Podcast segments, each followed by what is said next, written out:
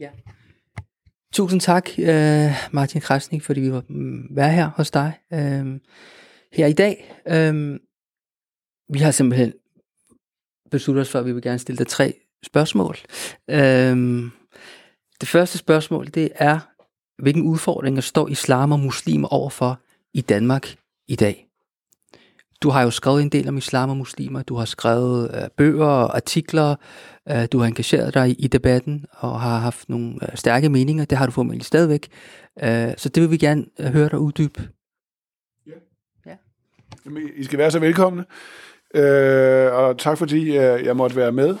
Jeg synes, det er et, et øh, fint initiativ, stort initiativ, I har, I har sat jer i, i spidsen for. Det er jo noget, som jeg og mange andre meget ofte efterlyser. Øh, altså øh, meldinger og diskussioner om, hvordan øh, danske muslimer kan leve øh, i Danmark som borgere, uden at deres tro og deres religion og deres kultur kommer i konflikt med det at være dansk borger. Øh, og øh, det er det, det handler om det her. Ikke? Og, og I spørger, hvad, hvad er det for en udfordring, danske muslimer har? Nu er der jo mange hundredtusind danske muslimer, så det er virkelig, virkelig svært. Der er mange hundredtusind muslimer i Danmark. Hvad, men hvis man skal sige noget sådan lidt for oven, som har at gøre med min egen erfaring som en del af en religiøs minoritet i Danmark. Jeg har selv jødisk baggrund og øh, er kommet øh, meget i omkring den danske jødiske menighed, siden jeg øh, kom i vuggestue. øh, og det her, altså det, der har drevet øh, den dansk-jødiske integration øh, frem i århundreder, det har været den danske menighed. Det har været det, at der har været en institution, som har været anerkendt af de fleste jøder i Danmark som samlingspunkt øh, for øh, fælles institutioner, og også altså, øh, hvad angår øh, øh, ja, fællesskab, øh, socialt samvær, uddannelse, øh, men også kontakten til resten af samfundet, og derfor også holdninger til, hvordan menigheden ligesom skulle agere i forhold til resten af samfundet. Jeg kan sagtens se, at det er en stor opgave. Øh, man kan ikke sammenligne direkte. Det har været svært nok at repræsentere 6.000 danske jøder. Der har været talrige, kæmpe store kriser. Nu er der flere hundrede tusind danske muslimer. Hvordan gør man så det? Men jeg har bare lagt mærke til meget ofte, altså et helt utroligt fravær af øh, dansk øh, muslimske organisationer med et stærkt øh, integrerende pluralistisk budskab. Og det tror jeg har været, det ved jeg har været meget, meget skadeligt for danske muslimer. Øh, der er jo noget, der hedder øh, dansk, øh, der er noget, der hedder islamisk trosamfund, øh, og så er der noget, der på et tidspunkt hedder dansk, hvad hedder det, islamisk fællesråd, tror jeg også, og der er været muslimernes fællesråd.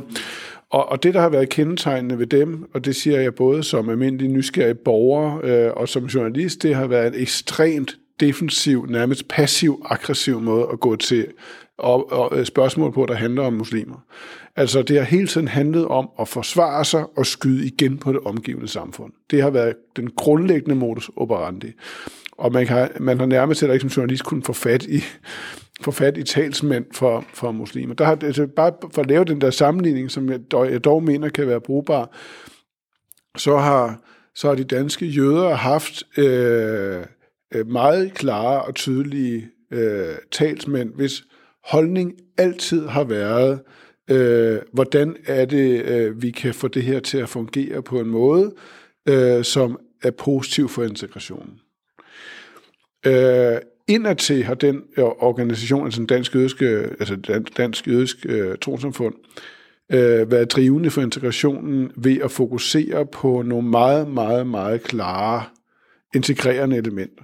Øh, for det første sprog. Altså det har været fuldkommen klart og tydeligt for den danske jødiske menighed, og det gælder altså helt tilbage fra grundlæggelsen for flere hundrede år siden til min egen skoletid øh, på den danske jødiske skole, at det at lære dansk virkelig godt øh, har været fuldkommen afgørende. Om det så handlede om folk, der har været her i 300 år, og altså hvis bedsteforældre og oldeforældre har været født her, eller folk, der lige er ankommet fra Polen, eller Hvide Rusland, eller Israel, eller hvad det kan være, lær sproget for fanden. Det, det, det, er, det, er, det, det er det vigtigste. Uden det kommer man ingen vejen her i landet. Man skal kunne dansk, og man skal ikke bare kunne det, man skal forstå det for at, for at være dansker. Øh, og det må jeg sige, det, det, det er i hvert fald noget, jeg klart har savnet, den der meget, meget nærmest sådan aggressiv tilgang fra en samlende, sådan central dansk muslimsk organisation, der, der fokuserer på det. Lær sproget, uddan jer, alt andet er faktisk, jeg skulle næsten til at sige uvigtigt, men i hvert fald langt mindre vigtigt. Øh, øh, nærmest vil jeg jo sige, at det, det igen for at fokusere, for det at understrege det her med det der lidt tilbageholdende, eller sådan lidt, øh, øh, det passive aggressive, det der med, at det har været vigtigere at pege på, hvor afgørende det har været at, at have lov til at tale øh, arabisk, hvilket jo er, er, er jo fint nok. Det er sådan set bare ikke noget, som man bør belemre resten med resten af samfundet med. Øh, og øh, det, altså, jeg, jeg tror, at der er en, en ret interessant lektie ved den dansk, danske jødiske historie, og det er, at øh, det har jo været en, en, den danske jødiske menighed er en ortodox menighed. Det, er, det kommer nok bag på ret mange mennesker, men det er en ortodox menighed, hvor man, altså hvis, man, hvis man skal længere ud i ekstremerne, så skal man være ultraortodox. Så skal man gå med, så har man krøller og sort tøj og hat og peruk og jeg ved ikke hvad. Ikke? Den danske jødiske menighed er ortodox, og det vil sige, at den i princippet øh, øh, står på religiøs ortodoxi. Altså, at man øh, tager øh, de, altså den religiøse lovgivning alvorligt, rigtig alvorligt. Ikke bare for sjov, men rigtig alvorligt. Og det er, det er, der er jo masser af religiøs lov i, i det gamle testamente. Der er masser af sharia i det gamle testamente. Man har en skole, som, som, som i princippet også underviser, øh, ja faktisk på en måde øh, øh, har organiseret alt socialt samkvem omkring jødisk sharia. Altså øh, særligt i forhold til mad, altså kosher, madlavning, og hvad man må spise, hvad man må gøre på, på shabbatten, altså hvad man, hvordan man opfører sig omkring øh, de religiøse højtider. Det jeg er vokset op med, det er mine børn vokset op med, øh, øh, omskæring, alt sådan noget. Ikke? Det er jo ikke noget, man bare har fundet på, det er religiøs lov, punktum. Øh, og det har skabt enorm store frustrationer også i menigheden, fordi man igennem disse mange, mange generationer, hvor der har været jøder i Danmark, øh, har udviklet sig. Først har man langsomt integreret sig, og så er integrationen gået over i assimilering. Øh, og så har man jo haft en menighed, som har stået på den her ortodoksi. Øh, det er en dybt fascinerende modsætning. Men, men den har altså, på trods af, at det har været en ortodox menighed, altså det vil nok interessere mange muslimer, tænker jeg, øh, kunne være driver for integration, og i sidste ende også assimilering. Øh, og, og det har krævet jo nogle meget, meget stærke øh, kræfter øh, i, i, den her, øh, i det her trosamfund, øh, for og også en opbakning blandt jøderne i Danmark for at kunne skrive over det her. Ikke? Altså på den ene side ønsket om integration og samkvem med resten af befolkningen, og så, øh, og så religiøs ortodoksi. Det er sgu vildt nok, når man, øh, altså, jeg tænker sjældent over, over det, men det er hæftigt, og det, det er først nu her i de sidste 20-30 år, at det virkelig er gået hurtigt med det der pres på ortodoxien. Ikke? Vi gifter os med ikke-jødiske kvinder, og derfor bliver vores børn ikke-jøder i ortodox forstand. Ikke? Øh, færre og færre jøder bliver omskåret, øh, og stadig flere jøder falder ud af menigheden, fordi de, de gider sgu ikke være med i, i det der ortodoxe øh, hejs længere. Og det ligger jo et enormt pres på, okay, hvad skal vi så gøre? Og det er de sidste 20-30 år ud af en historie på over 300 år. Ikke? Så jeg forstår godt, hvor voldsomt det her er for muslimer, fordi altså, muslimer i Danmark har ikke haft den her, altså mange, mange generationer til at ligesom at leve inde i ghettoen, om man så må sige, inden for murene, og lige så langsomt finde ud af, hmm, hvad fanden skal vi egentlig lægge vægt på i det her mærkelige samfund, vi er kommet til? Hvad er vores prioriteter? Hvordan finder vi nogle kompromiser? Og hvordan laver vi nogle institutioner? Og hvordan finder vi nogle ledere også? som virkelig forstår det her mærkelige dilemma. Danske muslimer, de har været her i en periode, hvor, øh, der, altså, hvor resten af samfundet er over, altså undergået nogle ekstreme forandringer. En hæftig sekularisering og modernisering, øh, hvor, altså, som jo sætter et endnu større pres på. Ikke? Ikke bare for det oprindelige, altså omgivende samfund, men jo også for muslimer selv. Unge muslimer, der kigger på de der, de der institutioner, deres fædre og bedsteforældre, der tænker, hvad fanden er det for noget? Altså, det føler vi os slet ikke som en del af. Øh, så den udvikling, danske jøder har haft 300 år til lige så møjsommeligt at, at gå igennem, og som selvom det har gået så lang tid, gået så langsomt, har haft så meget pres på de sidste, den sidste generation. Ikke? Det er jo først min generation, der virkelig er trådt ud af ghettoen, ikke? altså virkelig er trådt ud af de jødiske og institutioner og går i andre skoler og gifter os ud af menigheden og, og får børn, der opfatter sig selv som jøder på en helt anden måde end deres forældre og bedsteforældre. Altså, og så, så sætter det, altså, jeg, jeg, selv, selv, selv os, selv vi har fået det der pres, ikke? Altså, det er jo, altså oversæt det til en erfaring som en ny minoritet i Danmark, som er 40 år gammel eller 50 år gammel. Det er jo helt vildt, altså. Og som er mange minoriteter i og som, som ja, øh, ja, altså som er i hvert fald er, ja, som er mange minoriteter. Det er jøderne jo også, og der, der, der var der kun 6-7.000 mennesker ikke, som udgangspunkt. Her er der flere hundrede tusind, altså det er nærmest en uoverkommelig opgave. Men jeg vil bare sige, at det, det der med at have nogle institutioner, der, der, der, der virkelig sætter en dagsorden og understreger klart og tydeligt, at det her, det handler først og fremmest om os selv. Det handler ikke om, hvordan de andre danskerne reagerer på. Glem dem, og lad os koncentrere os om, hvordan er det selv, vi bliver danskere. Ikke? Altså, og det gør vi ved at insistere på, på, øh, på nogle meget, meget basale ting. Altså igen, et sprog er det fuldkommen afgørende. Man skal kunne og mestre dansk lige så godt som de indfødte. Øh, dansk lov øh, står altså helt, altså fuldkommen tydeligt og klart over øh, en hver form for forestilling om, at der er en religiøs lov, der betyder noget. Øh, og, øh, og integration er godt. Integration er rigtig, rigtig godt. Og integration, når det er vellykket, hvilket jo er positivt, bliver til assimilation. Og derfor er assimilation faktisk, selvom det kan være sørgeligt og trist, også en god ting det er et tegn på en vellykket integration, at man har nogle særpræg, der bliver sværere og sværere. Altså, det er så en, også en opgave, men og den institution og de talsmænd, de, de mangler virkelig i den danske muslimske verden. Det var fandme et langt spørgsmål på, eller langt svar på. Ja. Hvad ligger du i assimilation? Ja, men, Noget af det, som, som muslimerne er bange for, ja. ængstlige for, det er jo netop, ja. at vi kommer til havn der, hvor jøderne er henne ja. i dag. Altså det, at, ja. at man simpelthen mister grebet ja. om ja. identitet, ja. om, om, om historie, om men det, kulturarv, ja, det der. Men det, kan, men det kan man ikke styre. Man kan kun styre det, der sker i ens egen generation, og det er svært nok. Altså omkring ens eget liv og ens egen børns liv og måske børnebørns liv. Altså forandringerne sker så hurtigt, at man kun kan have nogle meget klare pejlemærker, som handler om, hvordan man selv øh, hvad man selv synes er vigtigt, positivt vigtigt. Og det er derfor, jeg igen understreger sproget som fuldstændig afgørende. For at forstå, hvad, hvad er det, det handler om? Hvad, og hvad er det egentlig, det vil sige at være dansk? Øh, altså de ting, som, som jeg synes er vigtigt, når det handler om at være jøde, er jo ikke de samme ting, som mine børn synes er vigtigt. Og det bliver slet ikke de samme ting, som mine børnebørn synes. Så, altså, så jeg kan ikke sætte nogle klare markører op for, hvornår man overskrider et eller andet punkt, hvor det går fra integration til assimilering.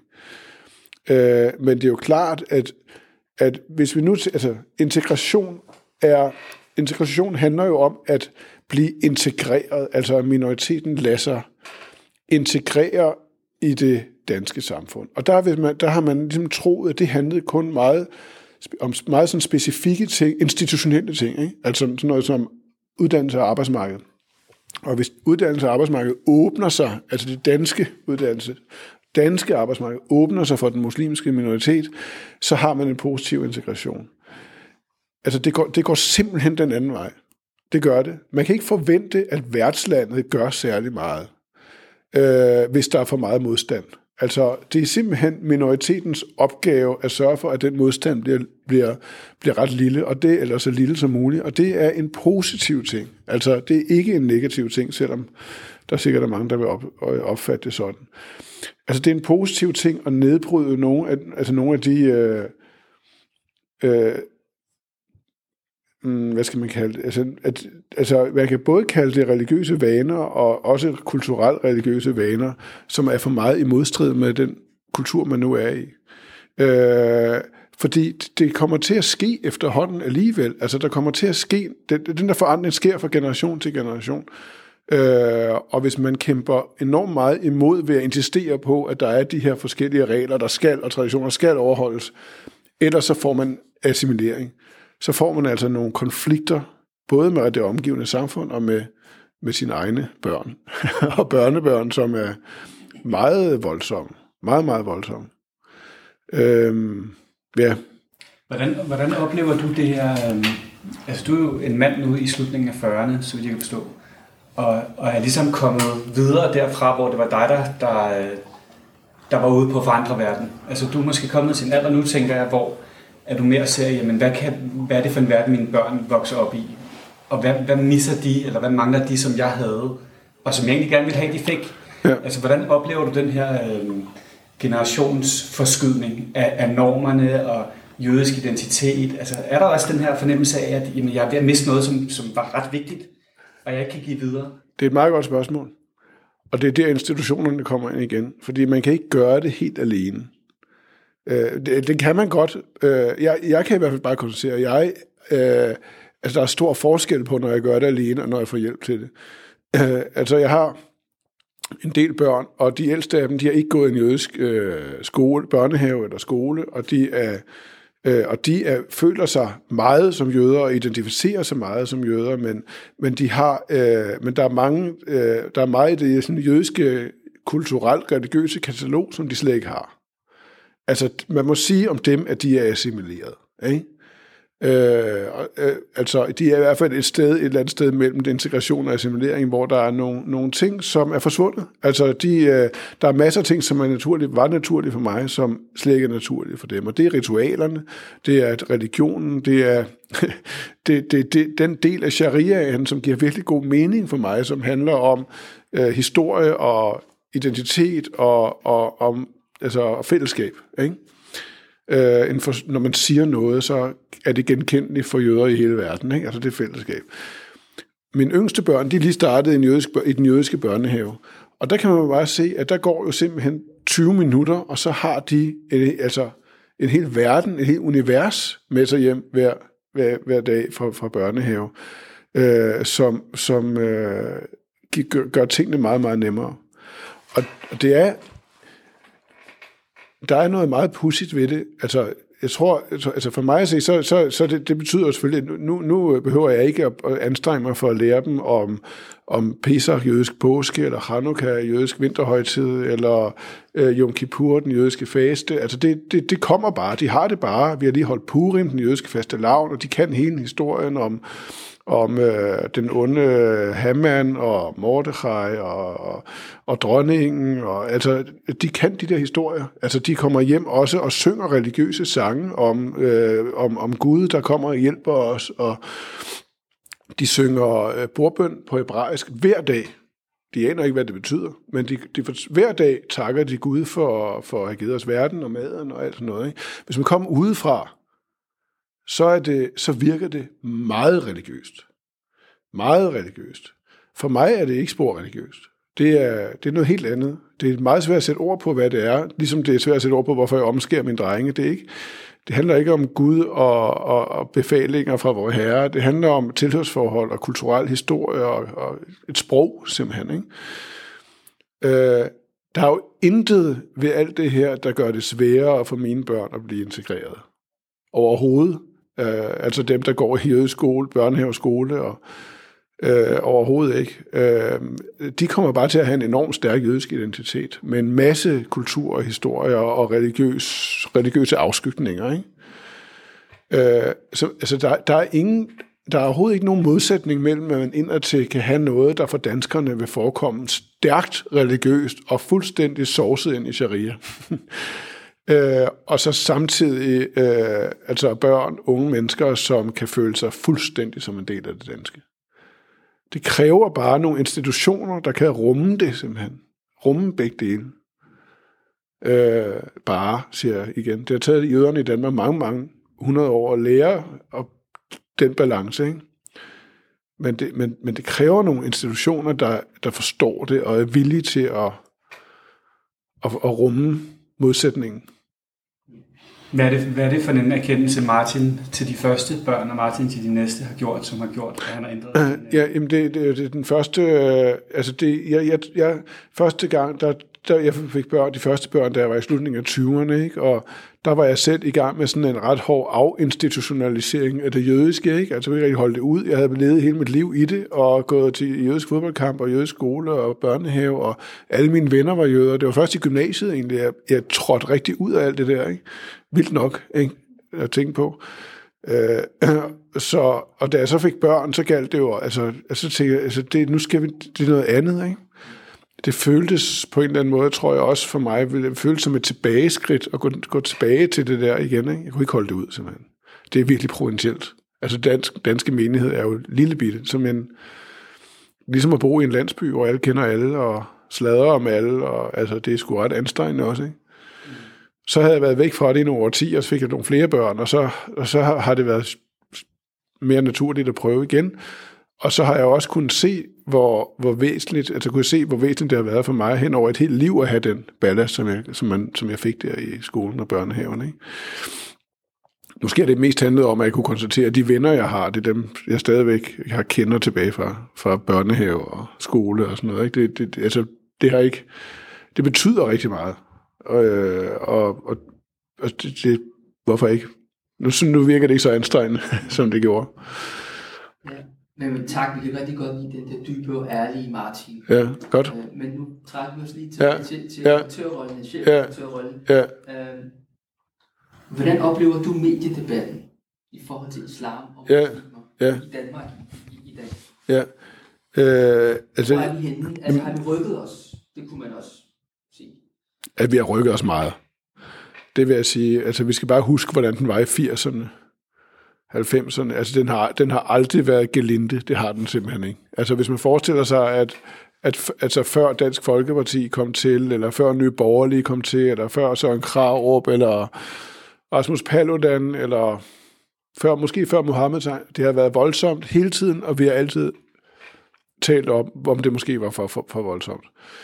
Øh, men jeg vil sige, at det er jo blevet, først og fremmest, at det jo igen den danske muslimers skyld og ansvar for tjeneste, at det er blevet en, en, en meget mere nuanceret diskussion, fordi der er kommet så mange stemmer i debatten, at man jo fra dem, der har lyst og tilbøjelighed til, til, tilbøjelighed til det, ikke længere kan sige, at muslimerne er sådan, og islam er sådan. Altså, der er jo kommet en mangfoldighed til på utrolig få år, som er helt øh, fantastisk. Og altså, man kan næsten ikke tro, hvor hurtigt det er gået. Er det i virkeligheden 10 år? At, øh, at, altså, at man gik fra 0 til 1000 ikke? stemmer. Øh, det er jo virkelig, og, og, og det er jo øh, mennesker, der mener alt muligt. Det er religiøse, og det er ikke religiøse, det er kulturmuslimer, og, det er, altså, og der er masser af intern ballade. Det er også enormt vigtigt at kunne vise, at man kan slås så hæftigt indbyrdes også. Ikke? Så på den, det er det, det vil jeg sige, det er afgørende. Øh, der, der er debatten blevet meget, meget bedre. Men samtidig forstår jeg godt, at der er mange muslimer, der er træt af det. Altså virkelig er træt af de generaliseringer, der trods alt stadig er. Og det had, som særligt dukker op på sociale medier, eller ikke bare dukker op, flyder igennem sociale medier over for, for muslimer. Det må være frygteligt. Øh, og jeg forstår også godt, at, øh, at mange muslimer føler, føler lyst til at trække sig længere tilbage i deres identitet og gruppetilhørsforhold, øh, når de bliver banket i hovedet og konstant øh, bliver mødt af påstanden om, at muslimer er sådan, og muslimer er sådan. Jeg har selv oplevet en lille del af det øh, i forhold til omskæringsdebatten. Altså, det er muslimer i Danmark også. Men, men det, det, er, det er så voldsomt, og, og ens minoritetsidentitet bliver, bliver kun styrket af det. Altså man føler sig simpelthen fremmedgjort i Danmark. Det gør man, øh, når man oplever øh, den del af debatten. Men, men der er simpelthen ikke nogen vej udenom. Altså. Det, det er sådan, debatten er. Og hvis man sammenligner den med den måde, minoriteter er blevet mødt af flertalssamfundet i verdenshistorien, altså her i landet for 50 år siden, øh, resten af Europa for 50 år siden, og det er ikke bare for at sammenligne med 2. verdenskrig, vi kunne også have taget USA i starten af den 20. århundrede, altså en total nul-tolerance over for anderledeshed i det offentlige rum. Øh, det er, det er jo noget helt, helt, helt andet i dag. Altså fuldstændig andet. Altså vi er på mange måder virkelig rykket os positivt frem. Der er heller ikke så mange, der taler om den der, eller tror på den der idé om, at man skal have de her parallelsamfund og multikulturalisme. Og hvad, altså hele, øh, den der debat er også blevet meget mere moden i dag. Ikke? Det, det er den virkelig. Men først og fremmest vil jeg også sige, at, det, at det, det, altså, det skyldes, at der er så mange uh, dan, altså danske muslimer, der mener alt muligt forskelligt. Uh, og som tager det på sig og står frem og tager de slag, det kræver at tage den debat. Det er også meget interessant, den måde, det flyder sammen med det identitetspolitiske i nutiden, og med de strømninger, der kommer udefra, både fra ja. og USA. Altså hvor den, den muslimske identitet er noget, som stadfæster sig positivt ja. som en ja. relativt lukket, ja. beskyttet minoritet, og ligger så lidt på en bølge, som i virkeligheden skulle ja. fra en helt anden retning. Ja. Altså det er måske også en stor ændring inden for de sidste 4-5 år. Ja, ikke? jo. Men nu I startede med at spørge mig, hvad, hvad, hvad udfordringen er, og måske skulle jeg bare lige gå tilbage til det og sige, altså for, øhm, altså, jeg, jeg synes, at, jeg, jeg, altså, I skal endelig sige til, hvis det bare skyldes ren uvidenhed, men jeg synes, at jeg kan konstatere, at Øh, altså det, det, er jo, det er jo noget værre end det der med, at, at, at danske, altså at muslimske institutioner i Europa også er, er tilbageholdende og, og lidt passiv-aggressive. Øh, altså på en måde er der, at står det værre til en som så, fordi der mangler jo institutioner, hvor man kan udleve sin religion som dansk muslim. Altså virkelig øh, være meget religiøs, øh, uden Ja, meget religiøs, og så samtidig give afkald på alt den del af sharia eller kultur, eller hvad man skal kalde det, som er skadelig. Antimoderne, øh, antidemokratisk, øh, står i modsætning til øh, lighed øh, mellem køn, seksuel frihed, øh, homoseksuel osv. Altså, der, altså, altså, nogen vil jo kalde det manglen på reformation, og det er jeg ikke klog nok til at sige, om det, om det er så simpelt at kalde det det. Øh, men, men Altså, det er jo ganske få pip, der er der en menighed i Berlin, og så er der en lille en i Danmark, og så er der nogle, altså, de der store mainstream øh, religiøse institutioner, der påtager sig lederskabet for en, en måde at være religiøs på, hvor man tager et grundopgør med teksterne som sandheden. Ikke? Det, er, det mangler. Og det er, det, det er, det er jo et, en stor, stor opgave at pålægge individuelle muslimer at gøre. Øhm, altså, altså, hvis man er homoseksuel øh, jøde og troende, så kan man finde en menighed, der passer til det, som påstår at være fuldstændig hardcore religiøs og læser teksterne og fortolker teksterne, og de har rabiner, og de har fortolkninger, og de har traditioner, som går mange generationer tilbage. Ikke? Altså jødedom har splittet sig i reform og ortodox og liberal øh, og konservativ, og der er noget for enhver smag, og alle, og der er store kampe, de anerkender ikke hinanden, de hader hinanden, men, men man kan udfolde et fuldstændig rigt religiøst liv inden for hver slags. Også i Danmark? Ja, Altså i den ortodoxe menighed? Ikke, øh, nej, det kan man ikke. ikke. Øh, det kan man ikke, men så er der udviklet sig andre øh, mindre... Der er en liber, dansk liberal øh, reform, eller reform, øh, der er en liberal af den også, liberal menighed, der hedder Shiatafon. Øh, du ikke, der kommer det krav, eller pålægges det krav på den, den ortodoxe menighed, og ligesom bryde op for nogle af de her ting, du nævner med køn og med... I Danmark? I Danmark. Altså den danske jødiske menighed? Øh, jamen, det skyldes alt muligt. Altså, det, noget af det er, er fornuftigt, og noget er ikke. Altså, det fornuftige er argumentet om, at hvis man skal kunne rumme alle, også de ret religiøse, så skal, må man nødt til at have den, ligesom den højeste religiøse fællesnævner. Øh, ellers så vil alle bryde ud, alle de religiøse bryde ud. Og så er det jo været for, så er der nogle, nogle, altså, så er der nogle andre argumenter, som måske ikke er så gode. Det har været, de ledere, der har været, har været religiøse. Det har været dem, der har ment, at det har været afgørende. Og så har det været noget at gøre med, det bliver sådan lidt nicheagtigt, det har noget at gøre med, hvem der så er anerkendelse af, af øh, hvad hedder det, øh, øh kommenteringer. Altså, hvad er en rigtig jøde? Altså, man har i menigheden i Danmark haft meget behov for at blive anerkendt i Israel, hvor alle kommenteringer skal være ortodoxe. Men i Israel har de også en kæmpe opgør om det nu. Øh, men jeg tænker også for det omgivende samfund. Altså, der er ikke et krav til den jødiske ortodoxe menighed om at bløde op, blandt andet på områder med, med køn og homoseksualitet og det der. Jamen, altså, lige præcis... Nej, og det skyldes, det, det skyldes lederskabets og institutionens evne til virkelig at skrive meget, meget, meget, meget langt. For alt det der har, har handlet om det indadtil. Altså det har handlet om, hvordan har man ligesom håndteret øh, måden at være religiøs på indadtil. Og der har der jøderne i Danmark jo altså som sagt haft 300 år til at, at slippe de mest skadelige, øh, bogstavelige tolkninger af jødisk lovgivning. Ikke? Øh, og det, og det, og det, det altså, et rigtigt tempo er først kommet den sidste generation. Da jeg gik i skole, så skulle man være omskåret for at gå på Karolineskolen. Man skulle også være omskåret, når man stod bare mitzvah som 13-årig, altså blev konfirmeret. Det skal man ikke længere. Altså de der ting falder bare, øh, og det er jo virkelig positivt. Øh, det, er jo, det er ikke noget, det omgivende samfund kan.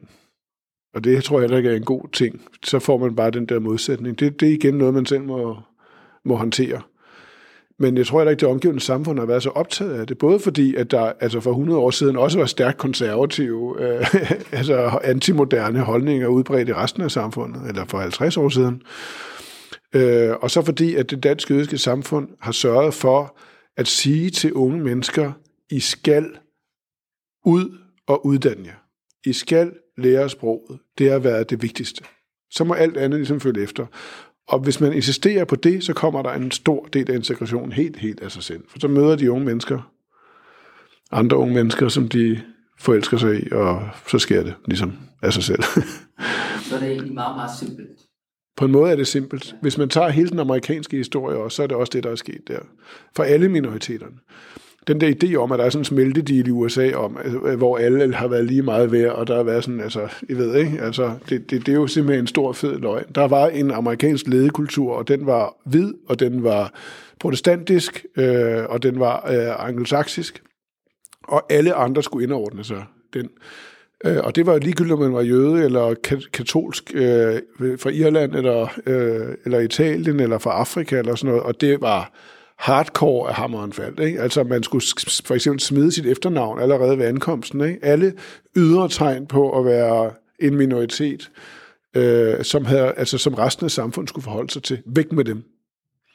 Og så, øh, og så har altså, de mest succesfulde amerikanske minoriteter, det er dem, der har insisteret på præcis det der. Ikke? Lær sproget, uddan jer. Ikke? Det er jo øh, øh, altså en, en del af de asiatiske immigranter, japanske, kinesiske, øh, det er jøderne, italienerne, altså dem, der virkelig, virkelig fra starten har sagt, okay, nu er vi her, glem alt, hvad vi har lært indtil nu, lær sproget, tag en uddannelse. Så tager det en generation eller to, og i dag går det jo så bare meget hurtigere. Ja. Jamen, jeg, jeg tænker, at klokken er lidt i to. Ja, godt. Og, og vi, er klar over, hvor, hvor travlt du har, men jeg ved ikke, om, om I har mere af Sofie eller Kasper til, det bliver hårdt at få det ned på 10 altså, minutter. Vi har, et, vi har et spørgsmål, men du ja. har allerede ja. Øh, svaret på det i starten, fordi vi spørger, om du vil kommentere på sharia-punktet i ja. vores manifest. Ja. Der sagde du i starten, at det var en god idé at lovbruge for muslimerne. De, at, men altså, hvis du har noget på hjertet... Jamen, det kommer an på... Jamen, prøv, prøv, det, prøv, det, hvordan, prøv at formulere et spørgsmål, så jeg lige kan... Hvad, ja.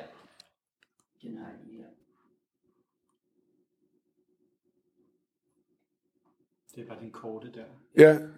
Sharia betyder vejen til kilden Ja. og anbefaler muslims levevis, spiritualitet og etik. Det danske samfund udgør gunstige, ram, gunstige rammer for danske muslimer til at udleve deres religion med integritet og frihed. Sharia indebærer, at man som muslims borger i Danmark er lojal over for landet, anerkender og respekterer den danske lovgivning på alle mm. områder på lige fod med landets øvrige borgere. Muslimer, der bedrager eller underminerer samfundet, efterlever således ikke sharia. Yes, okay, godt.